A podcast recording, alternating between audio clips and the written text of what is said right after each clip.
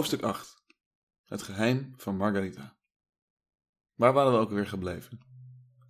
We zijn nog steeds niet terug bij de geliefde in Spanje, omdat het verhaal van Margarita nog in de lucht hangt.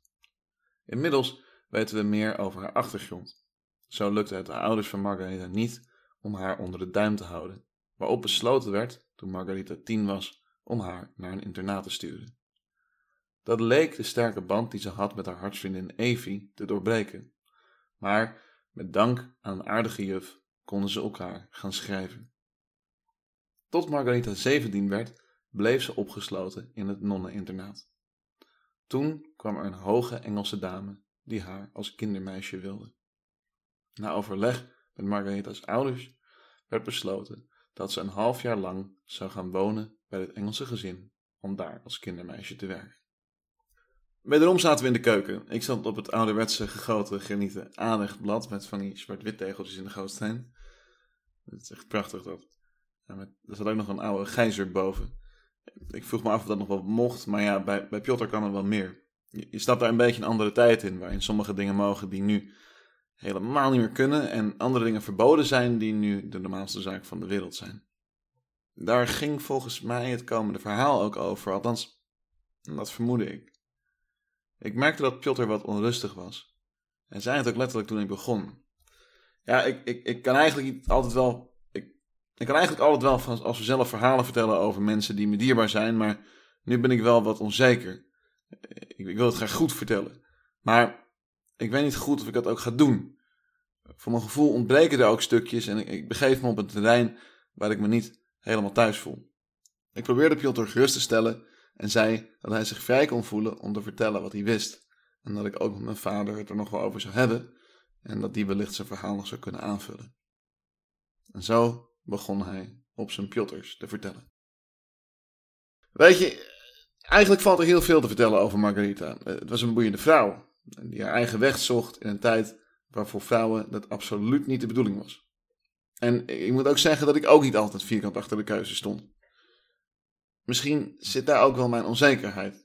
Maar goed, dat, dat wordt wellicht onderweg in het verhaal wel duidelijk.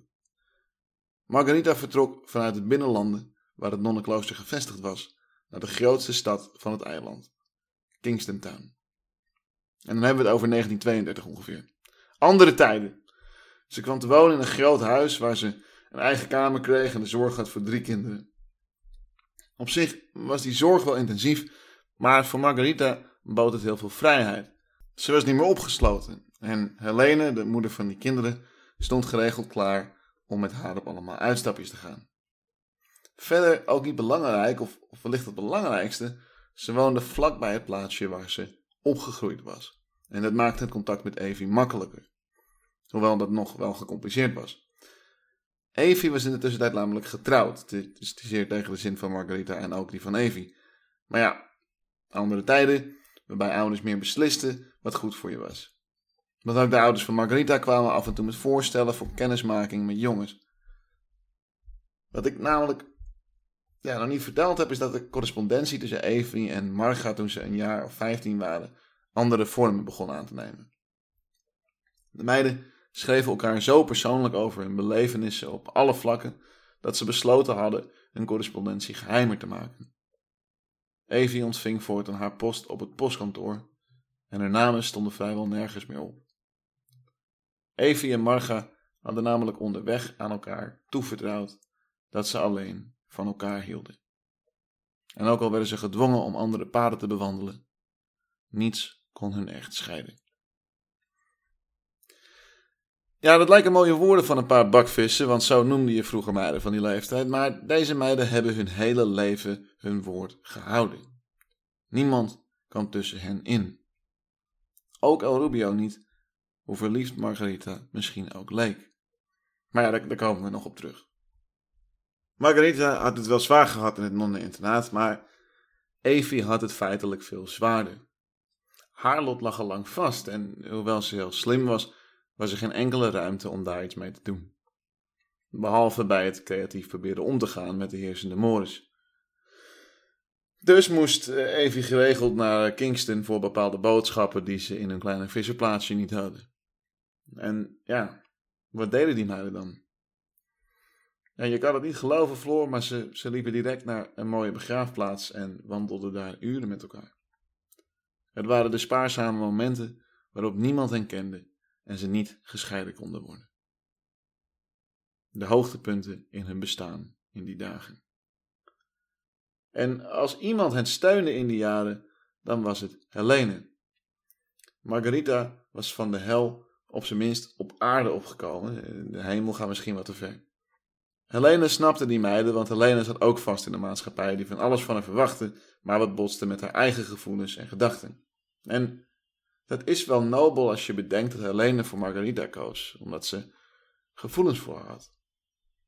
Ze had besloten haar gevoelens voor andere vrouwen eindelijk ruimte te geven, nu ze weg was uit het voor haar benauwde Engeland. Maar ze snapte ook wel dat ze voorzichtig moest zijn. In die tijd waren er ook nog maar weinig vrouwen en mannen die openlijk uiting gaven aan hun seksuele voorkeur.